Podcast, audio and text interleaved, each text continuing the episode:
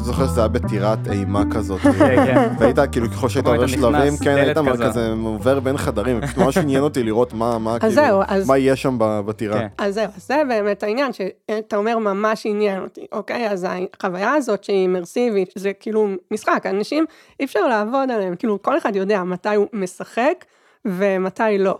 ופה נכנס גם עניין של תורת המשחקים, מה, בעצם להגדיר מה זה משחק ומה זה רק עטיפה של משחק, שזה דיון מאוד אה, אז רחב. איפה את משתדלת במיזם שלך לבוא ולהגיד, המיזם שלי הוא לא רק עטיפה של משחק? אה, העניין הזה שאני מנסה לעזור למורים, אה, זה סוג של להפוך אותם לסוג של גיים דיזיינרים, לתכנן איזושהי חוויה שהיא, שהיא מאוד, אני כל הזמן משתמשת במילה הזאת, אבל אימרסיבית, כמו שאמרת, ש, שהילד ירצה להתקדם ולראות מה בשלב הבא.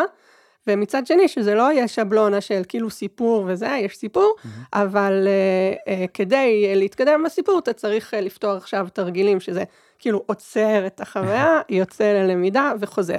אז בעצם הקושי הוא לתכנן את המשחק ככה שהמשימה היא uh, תהיה ספוט און ותהיה מאוד מדויקת למה שהילד uh, צריך ללמוד, ומצד שני, שהיא תשתלב בסיפור והיא תהיה גם מעניינת.